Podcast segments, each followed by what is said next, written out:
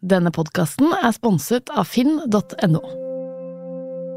Ofte kan det bli ganske heftige krangler i starten eh, mellom barna. Og, men som jeg sier, det er også en familieaktivitet, så da deltar jeg òg. Og jeg drar gjerne med Kyrre inn i krangelen. Alle skal med. Ikke sitt der og ha krangelen for dere sjøl.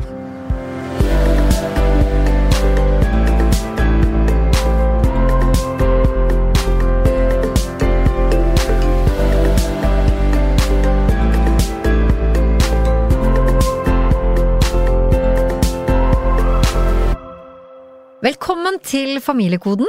Jeg er Katrine Moholt, og dette er podkasten som gir deg svaret på hvilken foreldrestil gjestene våre har, og ikke minst hvilke problemer den stilen kan føre med seg. Og han som er ekspert på akkurat dette, er psykologspesialist Reidar Gjermann. Du ser fresh ut i dag. Har du det bra? Tusen takk. Ja. Har det helt strålende. Dette er jo kjempemorsomt. Å få innblikk i hvordan foreldre eh, lever livene sine der hjemme, og, og diskutere det aller viktigste som fins i hele verden, og det er hvordan vi skal klare å gi barna våre et godt og meningsfylt liv i oppveksten. Ja. Og mammaen som er her hos oss i dag, hun har tatt TV2s foreldrestiltest, som du som hører på også kan ta på tv2.no – familiekoden. Dagens gjest er deg, Lisa Tønne, komiker, skuespiller og programleder, og først og fremst mamma. Du har to barn sammen med mannen din, Kyrre Holm Johannessen, en gutt på 14 og ei jente på 12. To barn på vei rett inn i ungdomstida. Hvordan syns du livet som mamma er om dagen?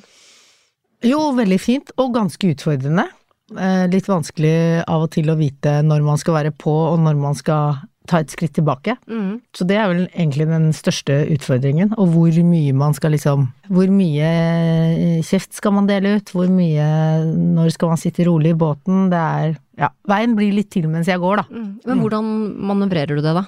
Det gjør jeg jo ikke alltid. Så må jo si en del unnskyld òg. Ja. ja. Er du flink til å si unnskyld? Ja. ja. Det er jeg god på. Men blir du mye sint, da? Ja. Jeg kan bli sint. Altså sånn boom! Mm. Og så går det veldig fort over. Men det er jo av og til kanskje litt hardt å få den boom hvis det Men jeg, jeg pleier å si fra underveis når jeg kjenner nå eh, får jeg blodåre i panna. Jeg får sånn blodåre i panna når jeg blir sinna. Og da sier jeg sånn Nå klikker jeg. Dette blir jeg så rasende av. Og da vet de på en måte Nå kommer det. Ja. Og så av og til bommer jeg på det, selvfølgelig, og da uh, kan det jo skvette litt, og da ber jeg veldig om unnskyldning, for det er jo ikke noe god følelse. Eh, det er jo en del familier der ute som kan bli ganske, hvor foreldrene kan bli ganske oppfarende når det velter et melkeglass, for eksempel, da, på, uh, på bordet. Og det skaper jo ikke noe sånn gladstemning, og det er jo ingen som velter ting med vilje. Nei, der kan jeg være Uff, det, men det er bare for at jeg får Jeg blir så utslitt av å tenke på alt sølet. Mm. Ja, nettopp. Men hjelper det å bli sint? Absolutt ikke. Men det kan jo bli det for Altså, det her er jo mer da barna var mindre, da. Ja, akkurat. Ja. Men du, altså skal, dette skal vi dykke litt inn i, for det, vi i TV 2 vi har jo laga en uformell test mm -hmm. som kan gi noen svar på hva som er viktig for deg som mamma, og mm. hva du prioriterer høyest i livet med barna. Mm. Og den testen har jo du tatt. Og snart så skal vi røpe hvilken foreldrestil testen viser at du har. Og i den testen så har vi altså fem ulike foreldrestiler. Mm. Vi har strukturert foreldrestil. Mm. Den er ikke. Empatisk. Ja, det tror jeg. Fleksibel. Mm. Beskyttende. Mm. Og målretta foreldrestil. Nei. Nei, så ikke strukturert og, og målretta? Tror jeg, da. Nei. Jeg er ikke sånn som dere definerer målretta. Jeg kan jo si at jeg er målretta i mitt univers. Mm. Den gemene hop tror jeg ikke vil tenke på min uh, foreldrestil som målretta, nei. Så hvis du skal liksom tippe på, på hva du fikk som foreldrestil etter at du tok testen, så vil du tenke at det var Altså, jeg opplever jo meg selv som på en måte emosjonelt engasjert i barna, men også beskyttende på min måte. Så en av de der, da. Mm, beskyttende eller empatisk. Hvorfor det, da? Jeg er jo ikke noe redd for at, egentlig at barna skal gå i stykker på utsida. Jeg er jo redd for at de skal gå i stykker på innsida. Mm. Basically så er det jo det at de liksom At man skal lage store sår inni de, da. Mm. Mm. Så der, der, tenker du at du er beskyttende i forhold til at du vil ikke at de skal ha det vondt? Mm. Men, men, alle disse foreldrestilene som vi har med i denne testen, har jo både positive og negative sider. Mm. Er det noen av foreldrestilene du skulle ønske du ikke hadde? Eh, ja, autoritær ønsker jeg jo ikke egentlig å være. Men en autoritet kan jo også være fin, kommer jo litt an på måten du er autoritær på, da. Mm. Men den derre eh, foreldrestilen som på en måte er litt sånn jeg har rett fordi mm. Dette har jeg rett til fordi jeg er forelderen din. Mm. Dette har jeg rett til fordi jeg er voksen. Jeg har rett fordi jeg er voksen. Det vil jeg ikke. Fra barna mine var eh, veldig små, så har vi jo snakket alltid snakket veldig mye med dem. For det første så lærte jeg det jo veldig tidlig at eh, bare fordi en voksen sier det, så er det ikke nødvendigvis riktig. Du har lov til å stille spørsmålstegn selv om en voksen forteller deg et eller annet og sier sånn er det. Mm. Og når eh, vi voksne begynner å true og si sånn derre Ja, da blir det ikke noe barne-TV, eller da blir det ikke noe Da er det ofte fordi at vi er tomme for argumenter. Mm. Da vet vi egentlig ikke helt hva vi holder på med, og så kjører vi den autoritære stilen som på en måte er Og det gjør jo, gjorde jo jeg også iblant. Men da ble jeg jo tatt på det, for dette hadde jeg jo lært de. Så de bare sånn Har du ikke flere argumenter nå? Mm. Mm. Ok, så du har lært dem å stå opp for seg sjæl, da. Ja. Og det er jo slitsomt og bra.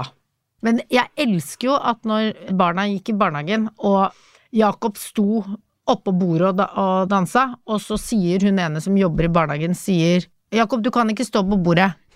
Så da så Jakob på meg, da var han vel tre og et halvt eller fire, og så så han på henne, så sa han jo, jeg kan det, jeg står jo her.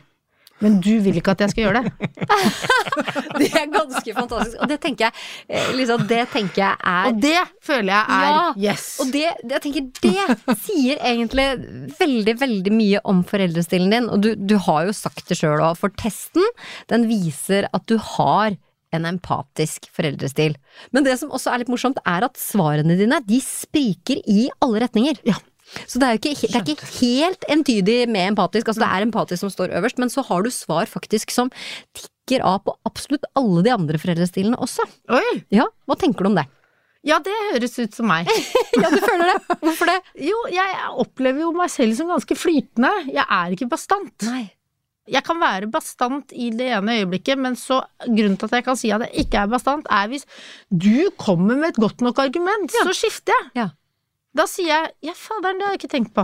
For, for Einar, det, er litt- det er jo litt interessant. Så kan du fortelle litt av hva som kjennetegner den der empatiske foreldrestilen, og hva det vil si om Lisa som da har den, men samtidig da også tikker av på, på de fleste andre foreldrestilene, altså. Testen spriker egentlig i alle retninger. Og det blir jo veldig spennende å se her videre om hun klarer å, å shoppe det beste fra hver eh, foreldrestil. Og, men empatisk foreldrestil handler jo eh, om at hun eh, klarer å sette seg inn i hva barna tenker og føler, og kunne justere seg selv etter det, da. Da blir det jo et godt samspill, da. Så har det jo noen ting som tyder på at det av og til kan være litt oppfarende også. Absolutt. Hvor er det du har dette temperamentet fra? Iran. Iran, ja. Altså, så det, dette ligger i blodet, altså. Ja, det tror jeg. Ja, nettopp. Ja. Så Det- det er, det tror- er tror du ikke mye- det litt, at noe Ja, er biologisk? Jo, for du er jo vokst opp i Trøndelag, ikke sant? Ja, det der, der, der er, er, sleper jo beina etter seg Ja. hele tida. Men, men når vi er inne på det, da, så sier jo du, Reidar, at vi kommer faktisk ikke utenom vår egen barndom når vi blir foreldre. Og for deg da, så er du altså adoptert som bitte liten fra Iran. Eh, Kommer til Trondheim til foreldrene dine. Hvordan vil du da beskrive din egen oppvekst? Jeg føler at hele den generasjonen var jo preget av at vi hadde mye mer ro til å utforske livet og oss sjøl og relasjoner, og vi måtte stå i mye mer alene. Jeg føler at foreldre i dag henger mye mer over skulderen enn det de gjorde da jeg vokste opp. Noe som er både positivt og negativt, syns jeg, da. Jeg hadde alltid hatt, og har egentlig fortsatt hatt, et ganske sånn rikt indre liv. Og det ble jo ikke så forstyrret av de voksne som det kanskje blir i dag. Jeg tror at det, mange foreldre kan forstyrre det indre livet til barna litt. Rann. Legge føringer, legge liksom Ja. Men scrollingen er det verste. Ja. Det stjeler alt indre liv. Ja. Altså, fingeren går, og det scrolles og det scrolles, og det mates på. Det aldri fred, det er aldri ro. Hjernen skal underholdes hele tiden. Når vi snakker om dette her med scrolling, for det, Mm. du er inne på noe som er så utrolig viktig, og i TV 2-programmet Familiekoden, som denne podkasten spinner ut ifra, så har vi det blant annet som en oppgave. For der har vi jo ni forskjellige foreldrepar med ni forskjellige foreldrestiler, som vi gir oppgaver. Og så diskuterer vi det i studio sammen med, med Reidar. Og da har vi blant annet en oppgave som sier at vi skal være 24 timer uten skjerm. Så vi er hjemme hos familien din, du får en melding, så står det utfordring, dagens utfordring, dere skal være 24 timer uten skjerm. Eh, hvordan tror du det hadde gått hos dere? Eh, Man tenker jo at ja, men det går bra. Det er jeg ikke nødvendigvis sikker på at det hadde gått så bra. Altså, vi har jo en hytte på fjellet hvor det ikke er dekning. Oh. Det jeg kjenner på, som er ganske fascinerende, og som er veldig kult, det er at jeg kjenner på en uro med en gang jeg kommer opp. Mm. Finner ikke roen. Det er abstinens, ikke sant? Ja, Tenk på det. det er det. Men jeg ble, jeg ble sittende og liksom fordøye det du sa i stad om indre liv, da. Mm. Som, eh, som blir brutt. Altså én ting er eh, den der overorganiseringen fra foreldrene som, eh, som lever i dag. Altså Foreldrene før i tida var jo ikke så ivrige på å følge på fotballkamper og være med i alle mulige slags greier. Men eh, jeg tror du har rett i at det er peanuts i forhold til eh, det, scrollinga, da. Mm. Som avbryter enhver mulighet til å kjenne på noen andre følelser enn eh, tilfredsstillelse, på en måte. Og det er eh, et menneske som ikke lærer seg å skjelne mellom eh, skam og tristhet og redsel og forvirring og alt disse her. Det er folk som navigerer ganske dårlig i samfunnet når de skal komme ut som voksne. Du ser jo også, ikke sant, at hvis de får en dårlig følelse, så de har det dårlig. Ja.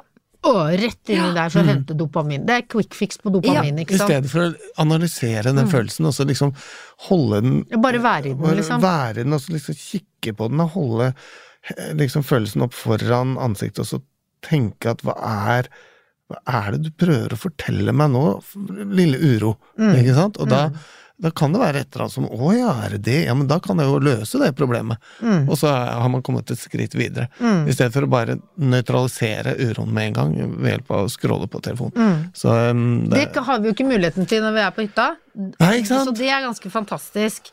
Eh, Ofte kan det bli ganske heftige krangler i starten eh, mellom barna. Og, men som jeg sier, det er også en familieaktivitet, så da deltar jeg òg.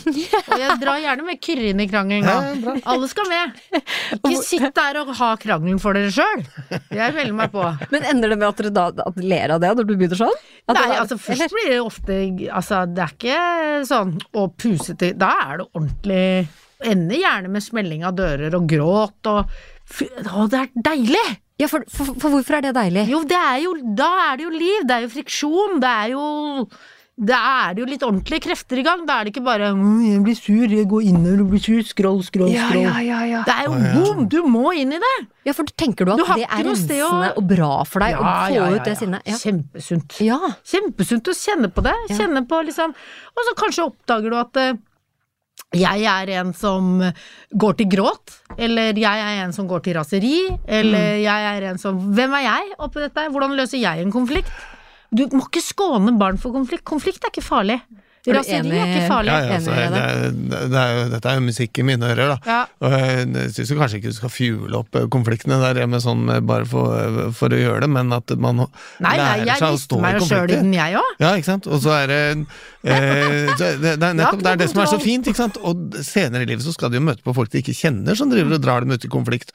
Og da handler det om å forstå hvordan reagerer jeg oppi dette her. Mm. Å ja, det har jeg noe erfaring med fra hjemmefra, og det, da pleier det å løse seg når jeg gjør sånn eller sånn eller sånn. Men, men, men si, sier du egentlig det der da at når, vi da, når vi er inne på telefonen og dette med scrolling, og det at vi bruker det som en smokk, en, en trøst, ja, ja, ja, ja. At, at, vi, at vi da risikerer vi nå at det er en hel generasjon som vokser opp som egentlig ikke kjenner sine egne følelser, og ikke egentlig klarer å gjenkjenne disse følelsene. Fordi med en gang noe føles ekkelt, så gir vi babyen smokken, men i det øyeblikket du er stor nok til å Mm. ta telefon eller pad, så er det den som på en måte Å, nå uff, jeg er litt lei deg, men du får huske å ta og titte litt på pad, da. ubehaget eller uroen eller angsten, det forteller deg noen ting om en eller annen retning eller annen bevegelse, hvis du forstår hva det handler om, da. Men mitt psykologkontor fylles jo opp av eh, barn av foreldre som eh, ønsker eh, at barna skal ha det bra, men hun er jo så lei seg. ikke sant? Ja, men folk er lei seg. ikke sant? Det er jo ikke noe rart, det. Og Så noen ganger så, eh, så, så tror jeg vi er altfor redd for nettopp det, da. Fordi vi Det er jo fælt å se på barnet sitt ha det dårlig. ja, og da, Men det er ikke om å gjøre å da ile til og, eh, og prøve å rette opp det her dårlig med en gang. For da har du en fantastisk mulighet, da, som mamma, å si eh, Vet du hva, det er ikke noe rart du er lei deg.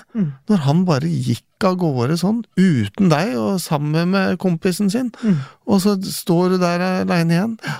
Det skjønner jeg godt. Mm. Da lærer jeg noen ting om følelsen av å bli forlatt, og gjenkjenner den følelsen neste gang den oppstår i kroppen. Og det er en ganske stor verdi, da. I stedet for å si sånn Ja, men du er jo en sånn fin gutt, du har jo mange andre venner, du, så du kan jo bare ja, Du kan jo gå bort til Karsten, ikke sant, han er jo så grei. Vi må tåle å, se at barna er i en eller annen slags form for uro, og validere, da, eller anerkjenne den eh, følelsen som de sitter med der og da.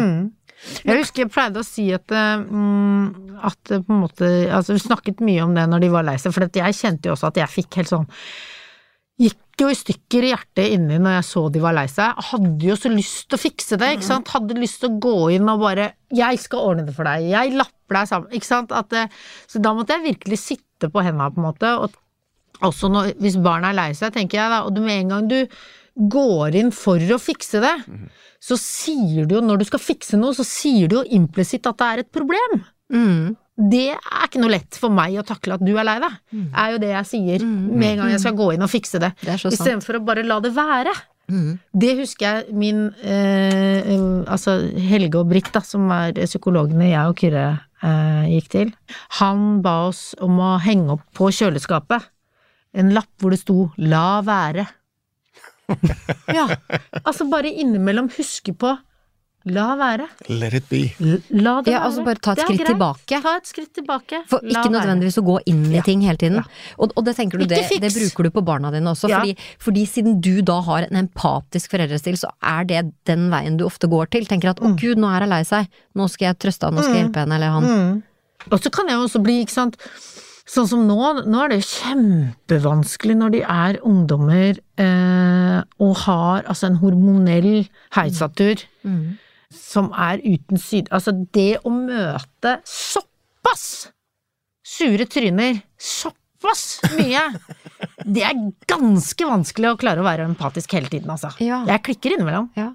For, for Jeg det, gidder ikke det sure trynet der bare klikker av å se det sure trynet. Er du klar over hvor bra du har det? Sånn kan jeg bli av og til, da. men, men Og så må jeg be om unnskyldning etterpå. Ja, for jeg tenker at det er jo, det er jo situasjoner som du, dukker opp eh, veldig da når man har tenåringer i huset. Fordi det, det er jo sånn det er. Men har du noe råd da, Reidar? Når vi- Ja, har du noe råd? Når, liksom, når du står opp om morgenen, som du sier, og så altså, er du egentlig ganske blid sjøl, ganske glad, og du tusler ned på Nei da, jeg er sur tar- på morgenen, altså. Og du er sur, oh, ja, ok, for da er det kanskje ikke sånn. det er jo et valg, det òg, da. Liksom. Så, Er det det? ja, jeg tror det. Ja, men jeg, altså, jeg skjønner den derre morgenen At man kan være Så morgenen er jeg ikke så streng på. Nei, ok, så det er ellers, ellers på dagen. Men, da, men hva da? Har, har du noen tips der, da, hva vi kan Altså, gjøre hvis ja, hold ut, la være. Ja, ikke la sant? være. Ja, jeg tror ikke gå den, ja. ja, kanskje, for det er noe med å ikke gå inn i det, da. Og ikke Nei, la seg irritere, jo- er det det du tenker? Ja, altså noen ganger så gjør man jo det, for at det, altså, de kan være ganske uh, vanskelig å ha i hus da, disse ungdommene. Men det som da kanskje går an å si, da, i stedet for å klikke, da, hvis man klarer å bite det i seg Mm. Det der å være ungdom, det er slitsomt, det. Ikke sant? Mm. Det, det du sa nå nettopp, at det koker av hormoner og sånne ting. ikke sant? Altså det, de blir jo sånne hormonmonstre, og vi har jo vært der alle sammen. Jeg kjenner jo ikke et eneste menneske som lengter tilbake til tiden på ungdomsskolen. Og eh, det, for det, det er jo et mareritt, ikke sant, og på mange måter. Samtidig så er det jo helt fantastisk, men det er ganske strevsomt. Så det mm, man kan gjøre, da, er jo også gå inn og si, vet du hva, det der for ungdom, det er ikke lett. Det ser jeg nå. For gå rundt og være så sur hele tiden, det er vel et tegn på at det ikke er så lett. Da. Jeg er her hvis du vil snakke om noe. Ikke Gå inn i den følelsen da, istedenfor å la seg trigge. Altså Som du sier, Alisa, la være. Ikke la, la oss trigge av det. Jeg er også ganske flink til å si at uh, dette er helt uh, vanlig, og dette er helt, altså, dette er helt greit at du har det sånn som du har det nå. Og som regel så klarer jeg å romme de følelsene du har. Som regel klarer jeg det. Av og til så har jeg for mye følelser selv, Og da klarer jeg ikke alltid å romme dine, og da klikker jeg på det. Men du må også tenke at du er en slags eh, sikkerhetsventil, hvor de Hvis du hører med foreldrene til kompisen til barna dine, Så er de supersøte så er det ikke sant Han er så høflig og grei, og han er så utrolig Og du bare Hæ, er det samme menneske vi snakker om? Så du vet at de kan Så hvis du skal sjekke ut hvordan de egentlig har det, hvordan de egentlig får til livet sitt, så sjekk med noen andre hvor de er, ikke sant? Mm. Og det er jo da- en sånn tillitserklæring òg, tenker jeg. At de liksom For ett sted må man få Ja, være rasshøl, da. Ja, nettopp. Et sted må man få være rasshøl, og, det, og da er det deg det går utover. Men, men jeg blir litt sånn Jeg blir litt imponert når vi sitter og snakker sammen nå, Lisa, for det høres ut som du, helt i tråd med da foreldrestilen din, empatisk, at du har snakka utrolig mye med barna dine, og eh, er veldig åpen, og at dere har utrolig fine samtaler om om det meste, og at de er veldig reflekterte rundt ting i forhold til hvordan du eh, Jeg opplever de som veldig reflekterte, Ja. eh, faktisk. Og jeg opplever at nå, når de begynner å bli store nå, det er mye som er kronglete selvfølgelig med ungdommer, men det er veldig mye gøy med det òg. De begynner plutselig å Du begynner å se konturene av hvem, hvem de blir, eller hvem Ja. de er. Ja. Og du begynner å se liksom humoren. Ja. Du begynner å se at de klarer å tenke For humor er jo øh, ironi hum, Altså ironi er jo noe av det som kommer sist. Må jo aldri bruke ironi med små barn. Mm. Det er jo ikke noe hyggelig gjort. Det er egentlig ganske slemt, øh, syns jeg. Mm. Men det er en ting å ta med seg, faktisk. Ja. Ja, for, tenker, for du som komiker, eh, hvor viktig er det med humor i familien? Altså, Altså, vi er Altså, humor er jo ikke på en måte sånn Nei, og nå kommer jeg hjem, så da legger jeg fra meg humoren utenfor. Altså, det er jo en del av meg. Jeg føler jo at uh, hvis det er lov å være så cocky og si at jeg har funny bones du har jo det! Jeg, det er jeg, støtter jeg 100 Og da, kan du ikke, du da, det. har, det- da er det Nei. i hele deg. Ja. Da er det på, akkurat som at uh, Jakob, sønnen min, er Jeg opplever at han er musikk. Ja. Ikke sant? Han er han, han, det bare, Du bare ser at det, Ja. er, det er i han. Ja. Men kan det der med funny bones, kan det være på en måte den andre siden av dette temperamentet, da? At det At du har på en måte ikke så mye bremser, da, enten det dreier seg om gøye ting, eller det dreier seg om litt sånn der eh, Reagere litt med temperament og så videre. At det, Det er litt kanskje det er to, to sider av samme sak? Mm. Ja, det er litt gøy at du sier. For jeg, og akkurat når det kommer til grenser, der er jeg jo ikke så god. Jeg syns det er vanskelig å sette grenser. Jeg syns det er vanskelig å sette grenser for meg selv. Jeg syns det er vanskelig å sette grenser for barna innimellom. eh, Å være sånn tydelig sånn Her har jeg, jeg blir misunnelig på de som sier sånn Dette er grensen, og det står jeg i. Men um, hvis vi går litt tilbake igjen til barndommen din da, Lisa, i Trøndelag med mor og far. Uh, hva slags foreldrestil vil du si at de hadde? Altså, pappa er jo Pappa er jo min største fan. Det som er kult eh, med den oppveksten, er at jeg på en måte Jeg har aldri på en måte følt det begrensende å være jente, for eksempel. Det har aldri vært noe fokus på at jeg er jente, hvis du skjønner hva jeg mener. Det har vært liksom sånn kjør på, du skal på pallen! Fint! Ja, ja, han er Samtidig som at det liksom har jo også gjort meg ganske kompetativ, da. Ikke sant, jeg husker, og det her sa han ikke til meg, men det var noe jeg husker han sa han vi satt og så på sport på TV, og det festa seg, altså skikkelig. Han sa det er ingen som husker nummer to.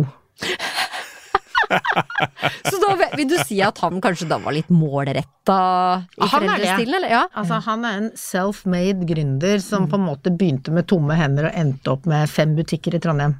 Ikke sant? Sånn han Kjempeflink, liksom. Ja. Driftig, streng, tydelig, men gøyal. Eh, Men følte du at han da har hatt veldig forventninger til deg? At da du var det eneste barnet? At liksom, at, er, er det derfor det sitter igjen at nummer to er det ingen som husker? ja, men samtidig Følte du at du måtte bli nummer én? Nei, eh, ja det har jeg jo alltid. Jeg er jo et konkurransemenneske også, så jeg liker å stå øverst på pallen. Men er det fordi du føler at du vil gjøre det for å ikke skuffe faren din? Nei. Nei, det er et egen indrestyrt Ja følelse. det, ja, det tror jeg. Mm. Når dere spør meg om oppveksten, så er det gøy at jeg umiddelbart nevner pappa. Ja. som på en måte var tydelig. Han var med på håndballkampene, han var med på Ikke sant? Han var den som var med på de tingene som var gøy.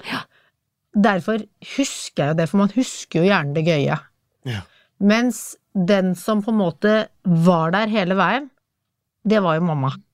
Ikke sant? Hun var jo den som var hjemme. Hun var hjemmeværende med meg. Hun var den som måtte ta kampene. Hun var den som måtte stå i når jeg sparka hull i veggen og var rasende. Hun var Altså, hun var jo den som måtte ta kranglene med meg. Og taklet hun det på en god eller dårlig måte? Ja, begge deler. men hun var jo ganske alene om det. Men hvem er du lik da, da, vil du si? Er du blitt lik faren din eller moren din i din egen oppdragelse? Jeg er ganske lik pappa i en god del til. Ja. og så er jeg jo lik mamma kanskje i den første delen av livet til barna. Det der at hun var jo veldig sånn Altså, jeg har en veldig sånn trygg grunnmur, da, som hun har på en måte gitt. Eh, Den derre grunnmuren som du får før du har språk, ikke sant. Hvis du har det veldig dårlig før du har fått språk, så får du jo det som heter på en måte den hvite sorgen, eller ikke sant, den der som du ikke du har ikke blitt Du har ikke fått noe mishandel, det har ikke vært det, er jo den svarte sorgen, på en måte slag, eller ting som er helt sånn konkret, som du kan forstå selv hvorfor ting er vanskelig senere i livet, fordi du har helt konkrete traumer. Mens den hvite sorgen er jo bare de der småfeilene vi gjør som foreldre, eller hvor vi ikke har forstått barnet helt, og det kan vi jo ikke alltid gjøre. Ikke sant? Sånn at det er ehm, Jeg tror nok at det på en måte der var hun god da jeg var helt liten, før jeg fikk på en måte språk. Jeg tror hun syntes det ble vanskeligere da jeg fikk eh, egne meninger, sterke egne meninger. Da begynte klinsjen ordentlig. Det tok mange år før vi liksom egentlig fikk noe ålreit forhold igjen etter det. Åssen har det preget deg som mamma? Eh, Det har preget meg på forskjellige måter. Det har preget meg noen ganger på at jeg på en måte er redd for å gjøre noe av de samme tingene som jeg ikke likte at hun gjorde. Det er jeg redd for. Hva kan det være da, for eksempel? Det er jo det også av og til Som jeg jo forstår i voksen alder, men allikevel som du ikke kan forstå som et barn. Det er når du opplever den derre eh, Hvor du må gjette litt. Hvor er du nå? Hvor er du nå? Mm. Ikke sant? Du leser fjes. Samtidig så har du gitt meg en fantastisk gave. Jeg leser jo mennesker som et, Altså, jeg elsker å lese. Jeg pleier å tulle med det i podkasten som jeg eh, til Sigrid og meg, Tusvik og Tønne. Så pleier jeg å eh, Da kaller vi meg for Lesus Kristus. Ja! For jeg er veldig god til å lese mennesker. Jeg kan liksom Og jeg kan lese ganske mye ut fra et fjes. Og det er jo, tror jeg jo er deler er at jeg har også måttet lese litt fjes, ikke sant? Jeg har måttet lese situasjoner. Mm. Og det er jo ikke tvil om at de fleste av oss tar med oss en del som vi har lært fra vår egen oppvekst i oppdragelsen av våre egne barn. Men du Lisa, som i hovedsak da har en empatisk foreldrestil, tror du at du og Kyrre har forskjellig stil, eller hva tenker du om det? Ja og nei. Altså, hvis vi ikke hadde hatt liksom noe av det samme grunntonen, så hadde det jo ikke gått. Men jeg syns av og til det er vanskelig å være foreldre sammen med ham. Der hvor vi spriker. Ja, Hvor kan det være da, for eksempel? Altså, jeg føler at jeg på en måte er strengere med skjerm, for eksempel. Jeg, jeg har lyst til å ha en mye strengere regel. Jeg elsker at vi helt siden vi var små, det er jeg vært enig i, aldri, ingen av oss, ikke vi voksne, ikke barna, ingen har noen gang med telefonen på soverommet. Åh, det, det er imponerende. Det er ikke og- lov. Det er ikke lov. Å, Det er Reidar, dette er musikk Ja. i våre ører. Mm. Og det, og det er liksom Det er som om vi bare tenker at det er en sånn uskreven universalregel. Det er som å pusse tenner før du legger deg, liksom. Så legger er du fra deg telefonen. Ja. Wow. Ikke for jeg ser jo det at Jeg ser jo når jeg er oppe, fordi Lola er veldig sånn som ikke vil at jeg skal øh, legge meg før hun har sovna. Ja. Så jeg må sitte oppe og vente til hun har sovna. Mm. Da gjør jeg det. Og da ser jeg jo at det tikker inn altså Snapchat i begge telefonene. Tikk, takk, tikk, takk. tikk. Og det er jo da barn som har lagt seg, sikkert til riktig tid, 100%. men de ligger med telefonene inne på soverommet, og ligger gjerne til Altså, jeg vet jo selv, når jeg setter meg ned med scrollefinger, bare å, nå har Lola sovna, nå kan jeg gå og legge meg, og så havner jeg i scroll, da plutselig har det gått en time.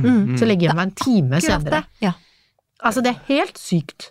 Så jeg ser det jo, det er jo som jeg også sier, ja, men du scroller også. Ja, og nettopp derfor så ser jeg jo hvor krise det er.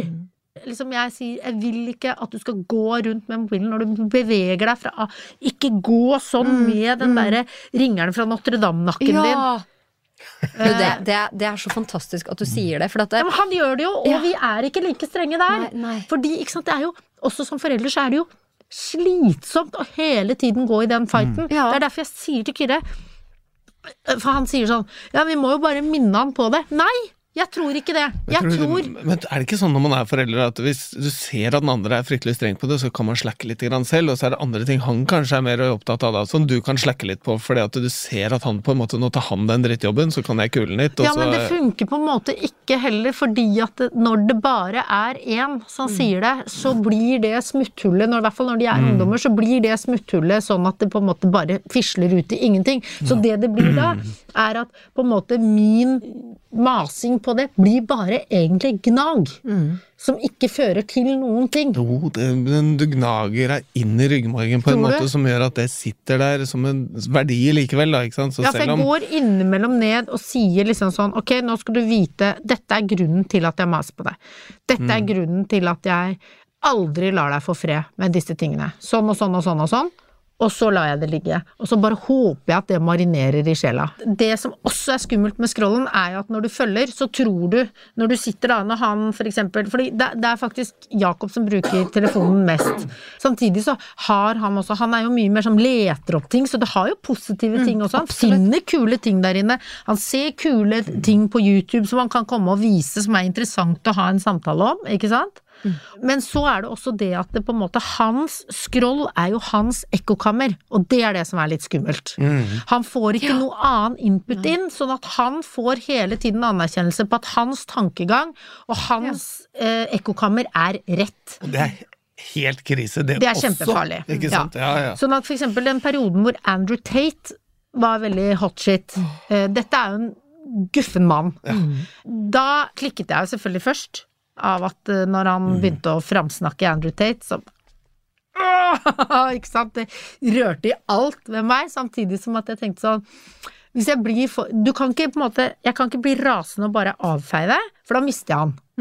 Ikke sant? Så ok, da må vi lytte. Og hvor er det fint å lytte? Jo, det er Vi sitter i bil. Ingen kommer seg vekk. Eh, vi var på vei til hytta. Det var den derre lille halvtimen med telefon. Og så sa jeg liksom sånn Ja, ok, men så dis Ja, nei, han syns liksom Ja, uansett hva jeg sier om Andrew Tate, så er det bare Det var ikke det at han nødvendigvis kanskje var så opptatt av han, men fordi han fikk så mye motstand på det, så, så ville han liksom kjempe sin rett på det, ikke sant? Og sier sånn Ja, men alt er liksom bare negativt. Han gjør jo noen ting som er kult også. Ok, la, men la oss snakke om det. Hva er det du syns han gjør som er kult? Så hørte vi på det, og så sa jeg ok, og så kan vi lese den saken her. Eh, Her er en sak i Aftenposten. Da leser vi også den. Ikke sant? Nå hører vi på det du får input om om han, og så leser vi hva den andre delen, som ikke er i ditt ekkokammer, sier om han. Og så sammenligner vi disse to. Og så har vi en samtale på det. Og da Det er imponerende hun må skrive bok. Ja, ja Det virkelig. Det, bra, det tenker jeg jo, Lisa. Det er, det er skikkelig Ja. Og så Og da sklei jo Andrew Tate bare Ja. rolig og stille Ja, ut. Ja. da- Nå fikk jeg sånn gåsehud Ja. eh, armen. Det er så helt fantastisk. Ja, og For så det du gjør, er å Ja. validere han, ikke Ja. sant. Du, du anerkjenner hans uh, ideer og følelser og tanker og alt mulig rart, Ja. Som gjør at han kan bare slappe av og slippe å gå i forsvar, og så kan han selv gå inn og så kikke på det samme og tenke at er nå dette så fornuftig, da, ikke sant. Jeg blir jo sinna altså. først, ikke sant, og så sier han Ja, sånn ja. Mm. 'Mamma, når du blir sånn nå, nå kommer du bare til å sable han ned.' Da gidder jeg ikke å snakke om det, sier han. klart det. Så sier jeg 'Det skjønner jeg. Jeg skal ikke gjøre det. Jeg beklager at jeg gjorde det.' Men jeg bare jeg, jeg sitter på den andre sida av det ekkokammeret, så jeg har annen informasjon om han. Det er derfor jeg blir sint. La meg høre din, Ja. så skal du få høre min. Og så ja, så snakket vi om det. Ja, det er Ja. så fint. Og da er han jo et dritsmart fyr. Dette er musikk du har eh. Dette, dette er musikk min Ja, og, og virkelig, hyggelig. virkelig å bli inspirert av, Lisa. Ja, virkelig. Jeg tenker at uh, ja, vi som foreldre, vi må bare gå hjem og og bare snakke med barna våre og gjøre nettopp det.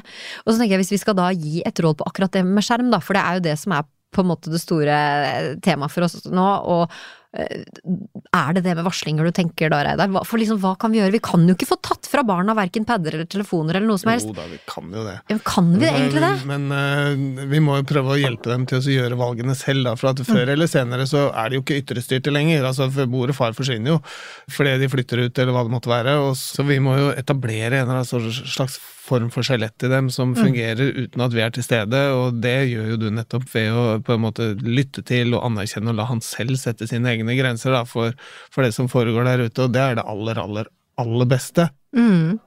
Men jeg tenker Lisa, du skal få lov til å Vi har jo med, som jeg kaller hjemme, guruen min, eh, Reidar.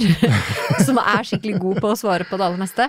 Hvis du har et spørsmål som du tenker at ah, dette har jeg gått og tenkt litt på og lurer på om jeg kan få Mm. tips. Har du det? Er det noe du tenker du har Altså, lyst til å spørre Reidar om? liksom, om? jeg har jo fått egentlig ganske mye svar på ting underveis i samtalen i dag. Jeg er jo en, såpass surrete i hodet at jeg, det er ikke, hvis jeg ikke er noe sånn konkret som butter imot, det er, det er jo den skjermen som har vært problematisk, og hvordan kan jeg måtte få med Kyrre på å ha det sånn som jeg vil. Jeg tror nemlig vi hadde fått et resultat han også hadde likt, men det er så Ja. vanskelig å få han med på For jeg, jeg har jo alltid egentlig ønsket meg mobilhotell hjemme. Ja. Nå ligger han der, og der skal han ligge i to timer. Ja, nei, det tror jeg er et kjempeforslag. Men det får jeg ikke til. Men du, det, det som skjer da i, Ja. i en del familier Nå er det jo ikke sikkert det er sånn hjemme hos dere, men det er det at alle disse gode ideene eller alle disse her forslagene, de kommer i en eller annen slags form for affekt, da, ofte. For det, det opp- Når problemet er oppstått. problemet oppstår, ikke sant? Og da er jo den der tenkende analysedelen av hjernen vår, den er jo litt eh, dempet akkurat da. Så hvis du finner avtalt øyeblikk, da, Mm. hvor dere liksom er enige om at på torsdag klokken fire, da skal vi diskutere dette her med mobilhotell. Vi skal faktisk ha med barna på denne diskusjonen. Mm. Hvis dere klarer å lage et regelverk da, som, som blir et sånn slags kompromiss mellom deg og barna og han, så eier jo alle fire det, Mm. og det blir jo så enormt mye lettere å gjennomføre. Så lager dere en slags sånn gøyalt regime ut av det. Du er litt konkurranseorientert, så da er det 20 pushups hver gang noen får en eh, sånn Instagram-pip eller noe sånt noe på telefonen, ikke sant. Altså noe i den stilen, da. At det kan lage litt moro rundt det, men si at det er faktisk blodig alvor, dette her. Så skal du ha med deg mannen din eller barna dine på en eller annen regel, lag den på et tidspunkt hvor regelen ikke på en måte må sette inn sånn som du følger det, da. Og når vi, når vi nå skal, eh, skal runde av, så hvordan vil du oppsummere hennes stil? Hun er jo i hvert fall ikke særlig endimensjonal. Hun, eh, hun, eh, hun høster jo fra forskjellige sider av barnepsykologien og, og foreldrepsykologien her, og, og jeg må jo si at noen ganger så er det så elegant, noe av det som ser litt sånn der heftig ut, lander hun eh, så fantastisk fint, da, når hun hjelper da sønnen sin til å snu og komme seg ut av dette ekkokammeret med alle disse gutta som framsnakker han Andrew Tate, for eksempel. Det er, det er så vakkert at jeg nesten begynner å grine. Ikke sant? Så um, hun er en person som har tenkt enormt mye på det med å være foreldre. Og, um, og Lisa, jeg må si, jeg blir ganske imponert eh, over måten du reflekterer over din egen noe ustrukturerte måte å være foreldre på. Ja, det er virkelig både imponerende og inspirerende. Men er det noe bakside med dette her, da, Reidar? Med det å være empatisk, men også ha tentaklene sine ute i alle de andre foreldrestilene? Ikke sånn i utgangspunktet, det er jo fint å være eh, flerdimensjonal, men samtidig så man, må man eh, på en eller annen måte gå an å forstå, da, for alle disse menneskene som er helt avhengige av denne mammaen. Så uten at jeg tenker at dette gjelder Lisa spesielt, så eh, tenker jeg at alle foreldre bør eh, være oppmerksom på at det er en fordel at barna forstår hvem de er, og kan forvente en eller annen slags form for lignende reaksjon som de hadde på tilsvarende situasjon på et tidligere tidspunkt. Da. Så det er viktig at vi er tydelige. Det er viktig å være tydelig, og samtidig er det viktig å være et menneske. Og når man da har gått over streken, eh, og gjort et eller annet man skjønner ikke var så smart, da er det faktisk så enkelt. Du går tilbake til barna og forklarer at du Jeg skjønner at du ble engstelig da jeg ble så sint i stad. Unnskyld for det. Og når vi, når vi nå skal, eh, skal runde av, så i denne podkasten så runder vi jo av hvor vi da spør gjestene våre eh, hvilken sang de synger for, eller sang for barna sine. Og da er det jo mange som har eh, typiske barnesanger, Kjære Gud, har det godt, eller Soro Lillemann, eller Når trollmor har lagt sine elleve små troll.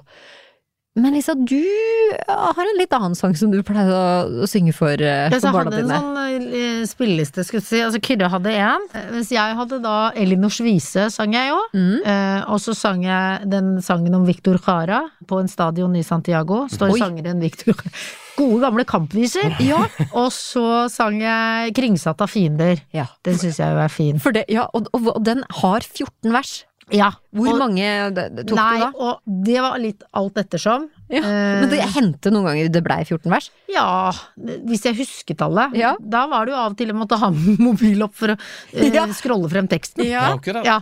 De lå jo veldig lenge, delte jo rom veldig lenge. Mm. De delte rom til de var ti og tolv, og da lå de i dobbeltseng. Ja. Og da var det sånn, når de da skulle sove når jeg hadde sunget, så lå jeg oppe i senga med de til de hadde sovna. Så det ble jo ikke noe voksenkveld, fordi de var ikke noe glad i at jeg ikke var der til de sovna. Da hadde jeg i hvert fall en regel hvor det var sånn at annenhver kveld, når de da skulle sovne etter jeg hadde sunget, sunget sånn, så måtte jeg ha hodet mot den ene, og så var det mot den andre kvelden etter. Så det var mye sånne regler.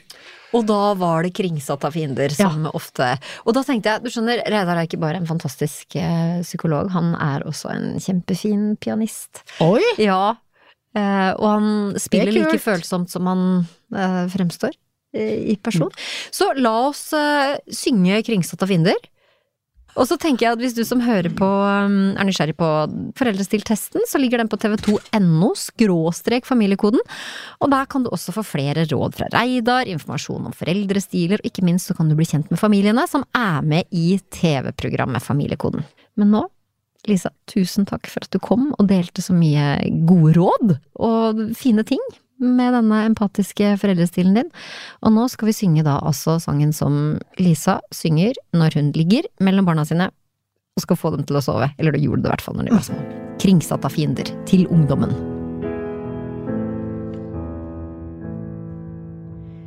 Kringsatt av fiender, gå inn i din tid. Under en blodig storm, vi Kanskje du spør i angst, udekket åpen. Hva skal jeg kjempe med, hva er mitt våpen?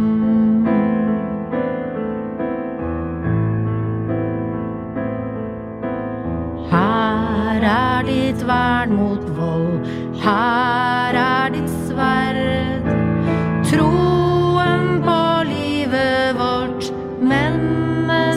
menneskets verd.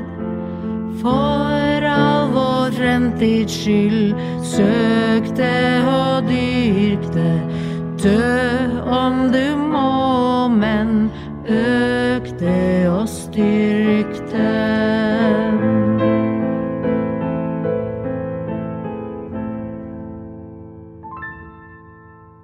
Denne podkasten er produsert av Monster for TV 2. Produsent er Kjersti Kvam, research og booking av Tara Solli, etterarbeid av Annie Ostrø og Espen Rogne, musikk av Espen Rogne, ansvarlig produsent for Monster er Mira Khan, for TV 2 Mari Vattum, og redaktør i TV 2 er Trygve Rønningen.